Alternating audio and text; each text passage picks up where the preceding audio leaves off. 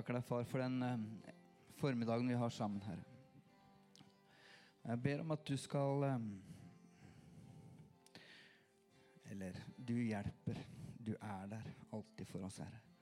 Så jeg takker deg for din eh, nåde. For din velvilje. Jeg takker deg for din godhet, Herre, og at du er her nå. Om vi merker det eller ikke, så er du her. Jeg takker deg for det i Jesu navn. Amen. Dere kan få lov til å sette dere ned. Så, eh, eller Du kan stå også hvis du ønsker det, men eh, ja Noe mer upraktisk. Eh, Et par Så bra, gutta. Ja, det var bare gutter, faktisk. Boyband. Det er digg. Ja, digg var kanskje feil. Jeg vet ikke hvordan jeg skal uh, Boyband, i hvert fall.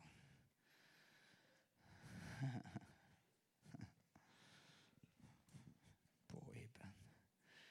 Da foreslår jeg at dere legger inn noen dansemoves til neste gang. Det, det var for, uh, det var for uh, stivt, gutta. Dere hadde det på øvelsen, ja? ja.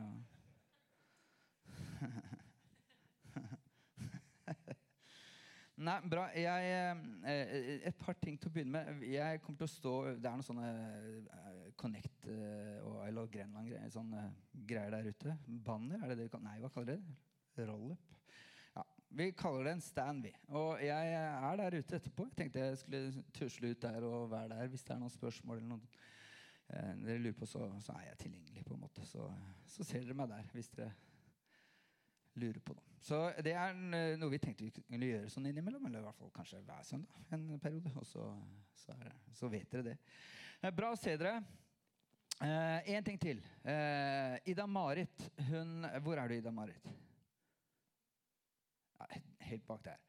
Eh, hun eh, Vi har en hel del klær og en hel del ting nede i eh, et rom nede. og det er mange som trenger ekstra hjelp i den tida som vi er nå. Så Ida-Marit, reis deg opp, så vi får se deg. hun eh, kommer til å ta ansvar for å, å, å um, finne ut hva som er der, sånn at vi kan gi det til eh, noen som har behov for det. Eh, det jeg fikk um, så det er også Bare for å ha sagt det, da. Så um, du kan jo stå der ute, du også. Så er det mulig å få tak i det. Det er ikke dumt. Bra.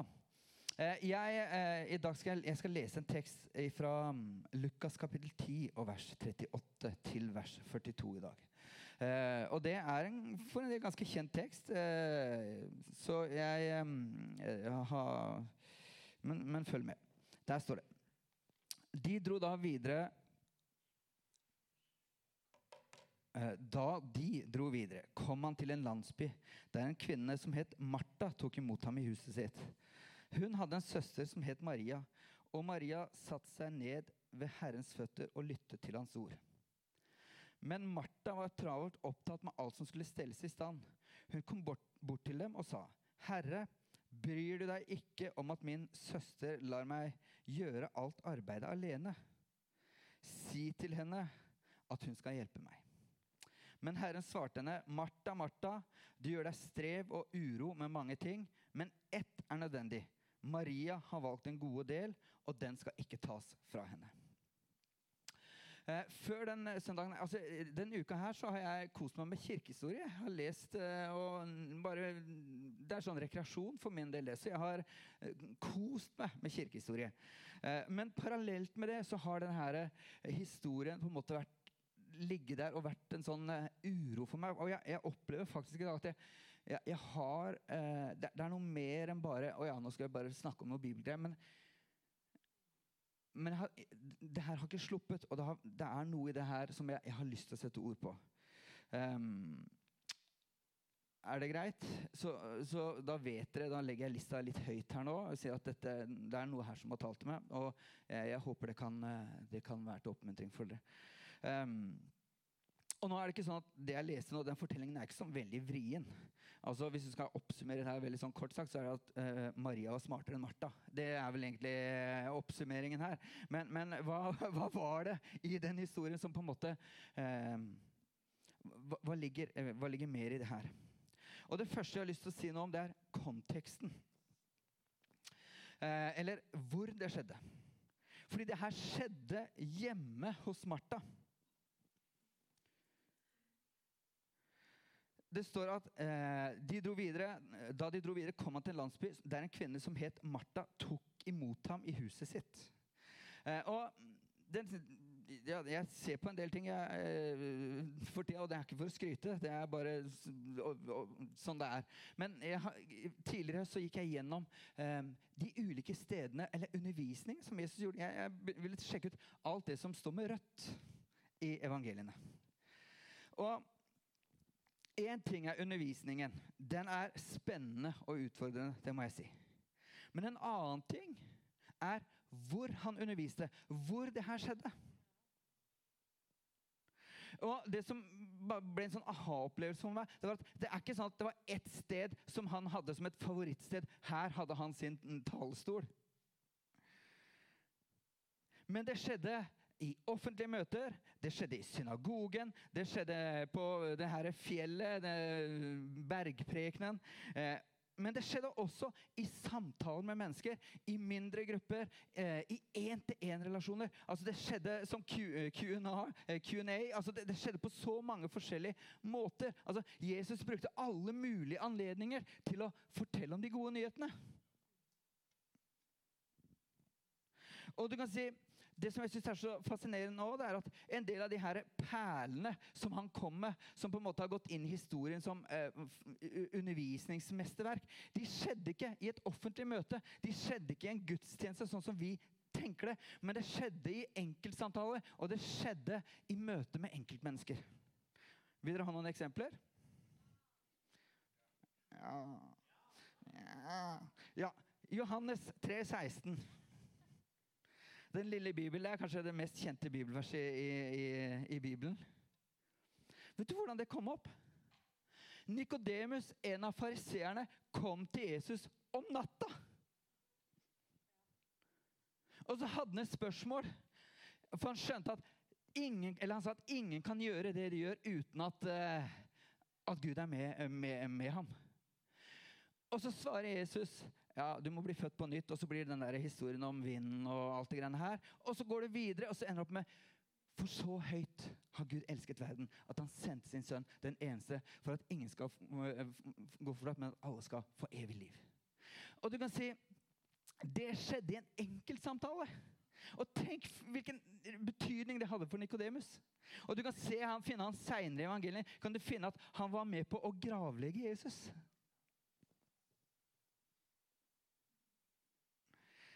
Den gylne regel. Da var det en fariseer som kom til Jesus og spurte hva er det største i loven. Og så svarer Jesus jo, du skal elske Herren din Gud av hele ditt hjerte og de neste som deg selv.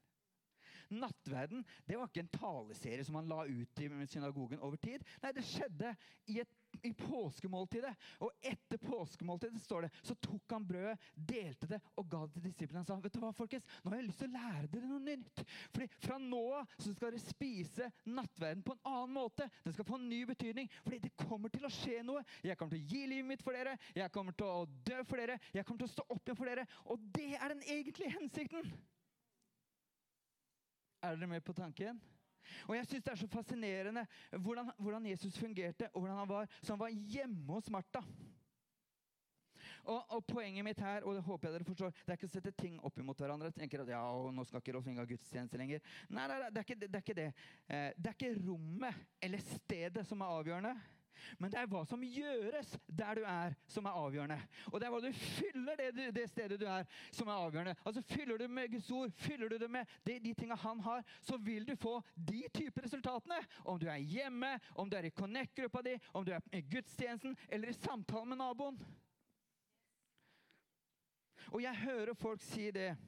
At eh, vet du hva, jeg husker det møtet, den gudstjenesten. Da skjedde det noe.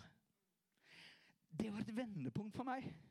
Og jeg hører folk si faktisk det samme om Connect-gruppene. Jeg husker enda den Connect-gruppa. Da skjedde det noe. Det var et eller annet i den som, som, som ga meg noe som faktisk satte en ny kurs i livet mitt. Og jeg hører folk snakke om den kaffekoppen. Den kaffekoppen glemmer jeg aldri. Og det var ikke kaffekoppen som var det store, men det var det som skjedde i samtalen, som var det store. Jeg har hørt, eh, Det var en komiker, faktisk. Det er utenfor uh, manus. Uh, det var en komiker, det har Liker dere Seinfeld? Jeg er gammel, så jeg liker jo Seinfeld. Jeg er den generasjonen. Men han har starta noe nytt hvor han drikker, kjører rundt og drikker kaffe med andre komikere. Og da var det en som sa det er bedre med en pølse i fred enn fete retter i strid. Og det er noe med fellesskapet som en kan ha i de samlingene har, som, som, som skaper forandringen. Så poenget er bruke mulighetene. Og Jesus er et godt eksempel på det. Så er det første historien. Han var hjemme hos Martha. Og det er neste punkt, eller tanken jeg har da, det er Martha. Hva med Martha, egentlig? Altså, når, jeg, når, jeg, leser om Martha i denne historien, her, jeg får jo litt vondt av det. Jeg vet ikke om du, du kjenner noen medfølelse her. Det er liksom, eh, fordi hun åpner hjemmet sitt for Jesus. Hun steller i stand. Og så sitter hun der med der søstera eh, som ikke hjelper til. Jeg tipper det er en lillesøster. Det gjør det ekstra ille, vil jeg tenke. Den er elendige liksom, Hun sitter der liksom, gjør, sitter bare og gjør ingenting. Nei, jeg vet ikke. Det står ikke i Bibelen. Det, min, eh, det, er, det har jeg lagt til, bare sånn at dere forstår det. Men det vil ikke forundre meg.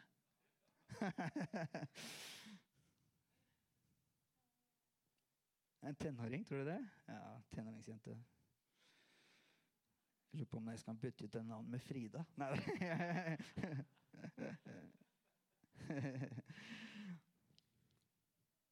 Og så sier jeg, 'Herre, bryr du deg ikke om at min søster lar meg gjøre alt arbeidet alene?' Be henne hjelpe meg.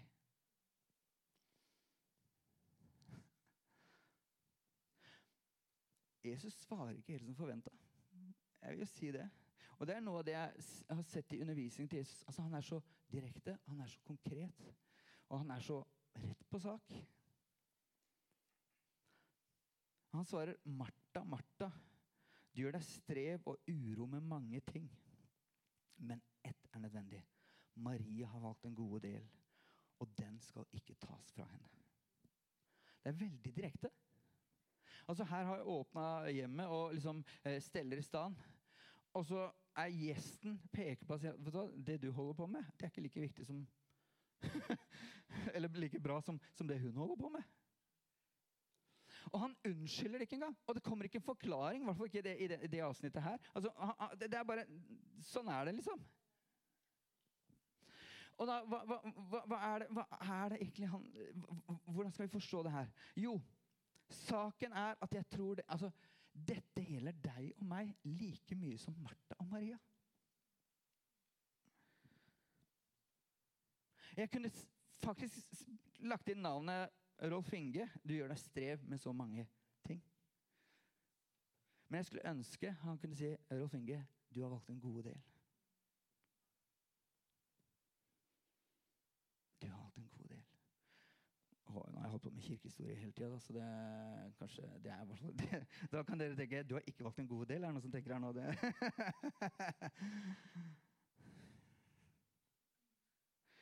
Nei, men det er noe med Det ligger i oss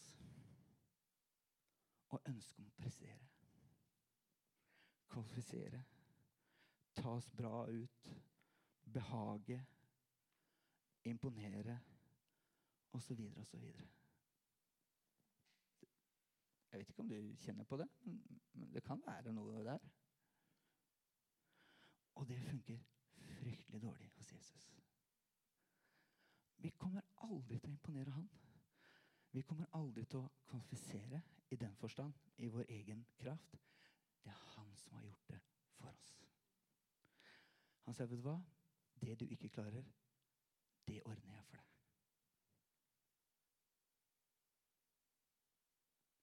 Men det er ikke det som er det store poenget mitt. Fordi jeg tror også det her har noe med verdier å gjøre. Det er så mye stæsj, og det er så mye greier som vi legger på i livet vårt og i kirka vår. Som vi tenker dette er viktig, dette er bra, dette må vi ha. Men som kanskje ikke er så viktig. Og kanskje ikke har den effekten som vi skulle ønske at det skulle ha. For å spissformulere det jeg har, en, jeg, jeg, jeg, har en, jeg har en følelse at vi overvurderer verdien av ballonger.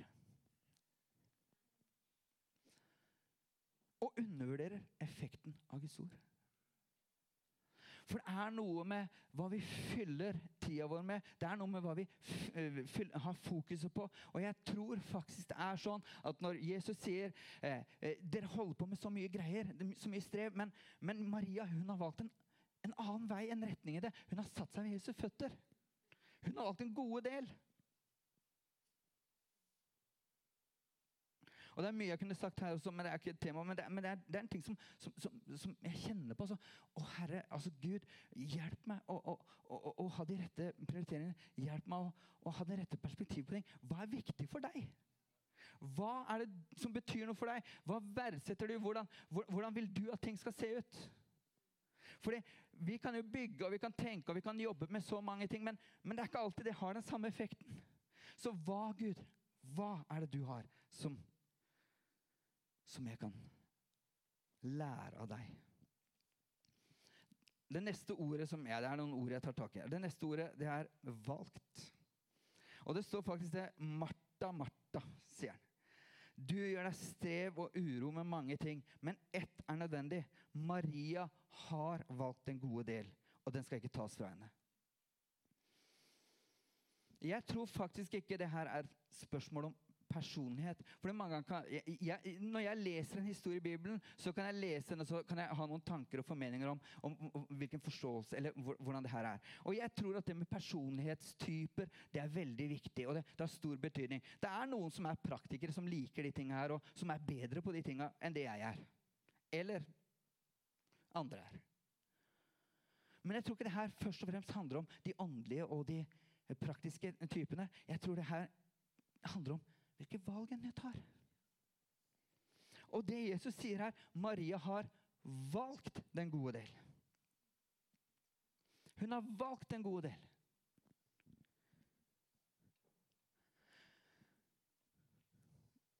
Og, det, hvilke, og, det er noen tegn her, noen ting i den historien som, som underbygger det litt.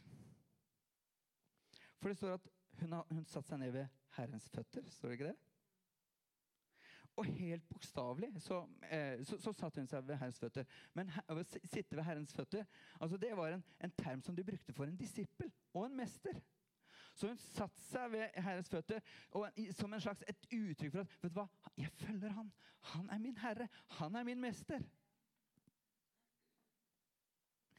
Og lurer på, ja, men Hvor har du det fra? Jo, Paulus sier bl.a. at han satt ved Gemaliens føtter. altså det, Han var hans lærling, hans disippel.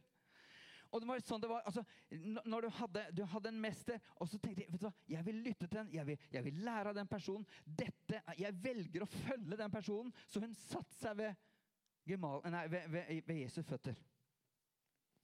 Og det andre i det, det er at hun var kvinne. og jeg vet ikke, Nå skal ikke jeg gå så mye inn på det her med kvinnespørsmålet den gangen, men du kan si kulturelt den gangen så hadde kvinnen en helt annen eh, status og en verdi enn det de har i dag.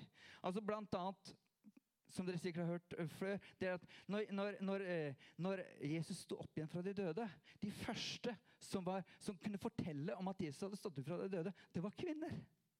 Så han anerkjente, han verdsatte kvinner. Og det var jo veldig rart egentlig den gangen, fordi eh, det sto at en kvinnes vitnesbyrd var egentlig ikke engang gyldig i en rettssak. Altså Deres vitnemål betydde ikke noe. Og så bruker han kvinner til å si vet du hva, eh, Fortell dem at de har stått opp igjen fra de døde. Så, så det kan godt hende at hun i den historien her Forventningen var at hun skulle varte opp, men at hun brøt noen av de her kulturelle barrierene og satte seg ved Jesus, eh, Jesu føtter. Fordi hun ville følge Jesus. Hun ville lytte til hva han hadde å si. Framfor å styre og streve med alle de andre tinga. Altså Det var et valg som kosta henne noe. Og jeg håper å si Noen ganger i ditt og mitt liv òg, så er det jo valg som vi må ta, som koster oss. Men de er verdt det fordi vi ønsker å følge Han. Så hun var kvinne.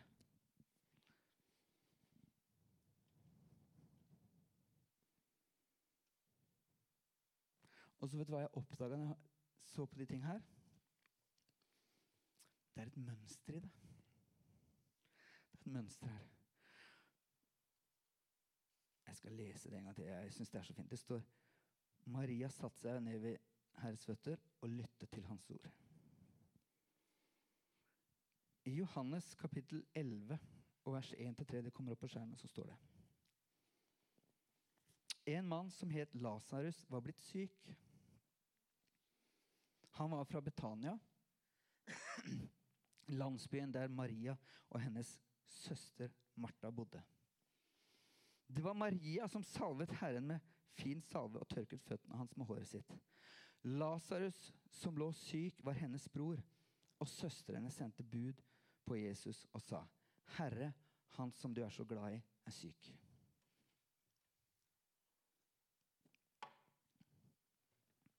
Her hadde de et problem. Broren deres var syk. Hva gjør de? Send bud på Jesus. Vi må ha Jesus hit. Han kan redde situasjonen. Og så kommer det videre. I vers 32-34 så står det Da Maria kom dit Jesus var og fikk se ham, kastet hun seg ned for føttene hans og sa, Herre, hadde du vært her, ville ikke broren min vært død. Da Jesus så at både hun og alle jødene som fulgte ham, gråt, ble han opprørt og rystet i sitt innerste, og han sa, 'Hvor har dere lagt ham?' Og så er historien da hvor han vekker opp Lasarus fra de døde. Men hva var det Maria gjorde her igjen? Her var det en annen situasjon. Her var det ikke for å lære, men hun hadde et behov. Broren var syk, og så kom Jesus for seint, og han hadde dødd i mellomtida. Hun kaster seg for Jesu føtter. Igjen så er vi ved beina hans. Tenker, Gud, du kan redde. Du er den som kan frelse. Du er den som kan fikse den situasjonen her. Og så kan vi lese Johannes 12, 1-3. Der står det. Seks dager før påske kom Jesus til, til Betania, der Lasarus bodde han som Jesus hadde vekket opp fra de døde. Der ble det holdt et festmåltid for ham. Martha vartet opp igjen. Hun har ikke lært. Der er hun igjen. Samme greiene. Og Lasarus var blant dem og lå til bords sammen med Jesus. Da kom Maria med ett pund ekte salve kostbar nardussalve. Og med den, med den salvet hun Jesu føtter og tørket ham med håret sitt. Og hele huset ble fylt av duften. Tre, det, det, er tre historier om Maria. Alle tre historiene som ligger ved Jesu føtter. Eller sitter ved Jesu føtter. Første gangen for å lytte til hans ord. Andre gangen for å be om hjelp og frelse. Tredje gangen for å gi ham all sin ære og oppmerksomhet og tilbedelse.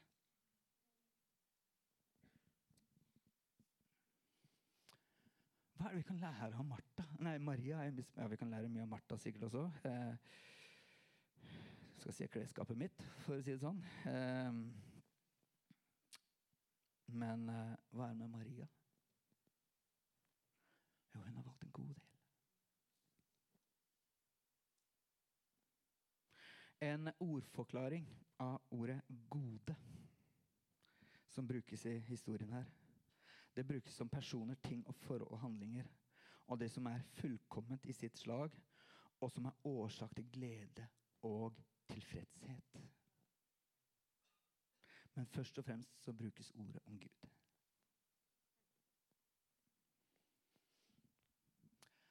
Én ting er aktiviteten å sitte ved Jesu føtter. Én ting er tilbedelsen, som hun gjorde. Én ting er når du har behov og kommer til Jesus. Altså aktiviteten, det de gjør.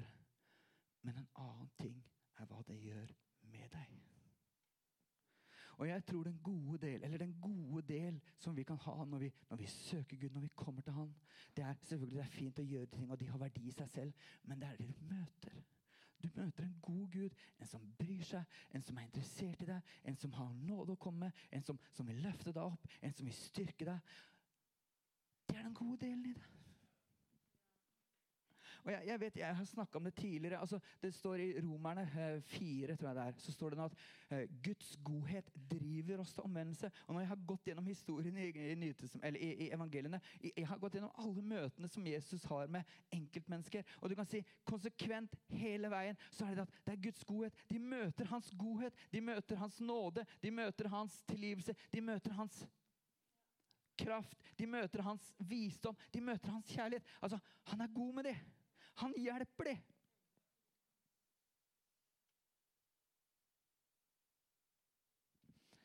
Og det som er tanken min for, for i dag jeg, jeg, skal avslutte nå Jeg kan komme opp, eh, Thomas og gjengen. Jeg, eh, og, og, jeg vet ikke helt hvordan jeg skal Fordi jeg sa det på den peptalken jeg først uh, hadde før her òg. Si, det er noen ting jeg, vi kan snakke om, og vi kan, vi kan vi, vi, vi kan sette ord på. Men i det som vi setter ord på, så er vi avhengig av at det er en stadfestelse fra Gud. Det er en backing, det er, en, det er et nærvær. Det er, det er, noe som Noe han gjør det. Vi kan bare gjøre halvparten. Nei, ikke det engang. Vi kan, vi kan gjøre noe av det. Og så, er det, så, må Gud gjøre resten. Og det jeg har tenkt på før den Som på en måte har vært en sånn slags uh, lengsel i meg, kall det det. Og nå skal jeg snakke for dere, nå skal jeg snakke på vegne av dere uh, uten å ha spurt om det. Men jeg tenker at det vi lengter etter, og det vi søker etter i alt jaget og all bekymringen og alt det som måtte være rundt oss, det er jo ekte, genuine møter med Jesus. Er dere enig i det? Altså, i, i, grunnen til at vi holder gudstjenester, grunnen til at vi holder, holder på med connect-grupper, grunnen til at vi gjør alt vi gjør, det er jo ikke bare for å være aktive generelt. Liksom, nå, nå, er vi, vi Spre dere og se aktive ut, liksom. Det var ikke det Jesus sa. Spre dere og se aktive ut. Lat som dere holder på med ting, liksom, eller bare hold på med ting. Han sa 'gå ut' og forkynn. Helbred, fiks, ordne, drive ut osv. osv. Altså, det er en effekt i det. Og det er det vi lengter etter. Hvert fall jeg. Ekte, genuine erfaringer, møter med Jesus, som setter kurs, og som forandrer liv. Og nå vet jeg Vi har snakka om det med etterfølgere, og sånt nå, men du kan si starten på alt vi gjør som etterfølgere. Det ligger jo der. Og det som er motivasjonsfaktoren underveis, det er de erfaringene vi, vi får der når vi, når vi, lever sammen med Han. Og jeg synes Det var så fint forrige søndag når Jan Tore fortalte sin historie, som jeg faktisk ikke var klar over. Det var at han, han, han ble en kristen i 20-åra.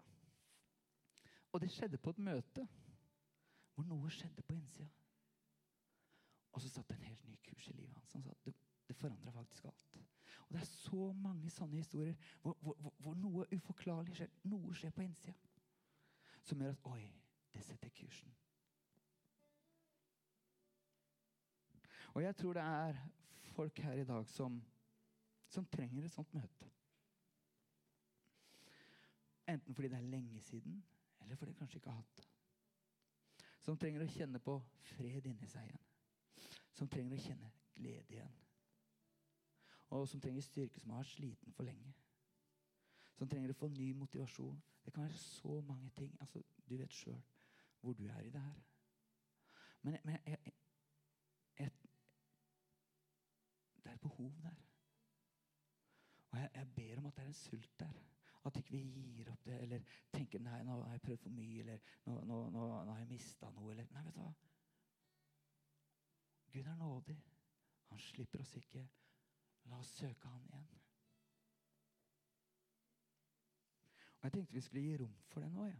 Når de leder lovsang, så jeg, jeg har liksom tenkt jeg skulle um, ulike måter vi kunne gjøre det på, men jeg, jeg, jeg tenker Bare vekke sulten i deg, så kan du, når vi lovsynger nå, eller når de leder oss, at du, at du henvender deg til Jesus og sier nå kommer jeg til deg igjen. Og jeg trenger deg. Jeg trenger deg. Vi har et forbønnsteam bak der som hvis du trenger noen skal be sammen med deg, så, så gjør du det. Og så Sorry. Men jeg fikk en tanke før møtet, og den har jeg hatt også en stund. Men det er en historie fra Gammeltestamentet om en kvinne som, som bodde i Sarepta.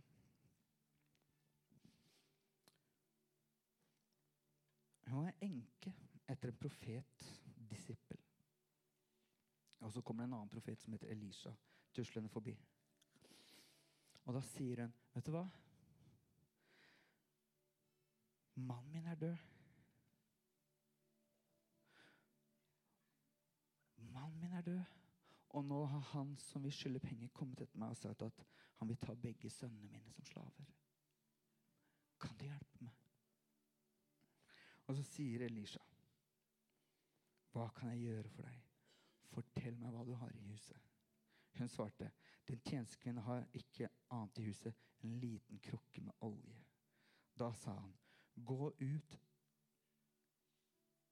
til naboene dine og be om å låne kar, så mange tomme kar du kan få tak i.' Så skal du gå inn og stenge døren etter deg og, og sønnene dine. Hell opp oljen i alle krukkene og sett dem bort når de er fulle. Kvinnen gikk fra ham, og hun stengte døren etter seg og sønnene sine. Da rakte, karene, da rakte de rakte henne karene, og, hun helte. Da karene var fulle, sa hun til en av sønnene sine, 'Rekk meg et kar til.' Og han sa, 'Det er ikke flere igjen.' Hun fortalte det til gudsmannen. Hun sa, 'Gå og selg oljen og betal gjelden din.' Så kan du og sønnene dine leve av det som blir igjen. Det er noe med den historien. Altså, vi kan ofte tenke at det vi har Jeg har ikke så mye igjen nå. Nå er jeg sliten. Men gi det du har. Og så kommer han og fyller. Og det var sånn at de fylte til det ikke var flere kar igjen. Og det kan være sånn for din del og Det kan være rom i, i, ditt liv som tenker her trenger det å fylles. Her trenger det en gjenopprettelse. Her trenger det å restaureres noe. Her trenger det å gjøres noe. Gi Gud muligheten. å Åpne det rommet og la ham få lov til å fylle de områdene i livet ditt. Og så kan han komme og bringe fred, bringe gjenopprettelse, bringe glede, bringe styrke, bringe, komme med ny motivasjon og hva det måtte være. Skal vi reise oss? Takker deg, far. Jeg ærer deg for din godhet og din nåde. Du ser den du, du, du, ser behovene som er her nå, Herre. Og jeg ber for hver og en av oss, Herre, at ikke vi skal lukke døra til deg eller gi deg opp eller tenke vet du hva, jeg orker ikke mer. Eller hva det måtte være. Men jeg ber om at du skal skape en ny sult i oss. En lengsel etter det som er ekte, det som er fra deg, det som, det som virker, det som har kraft til å forandre, Herre. Jeg ber om at den, den tida vi skal ha sammen, at, at du kan tale. Vi, vi ønsker deg velkommen til å tale til oss og fylle oss.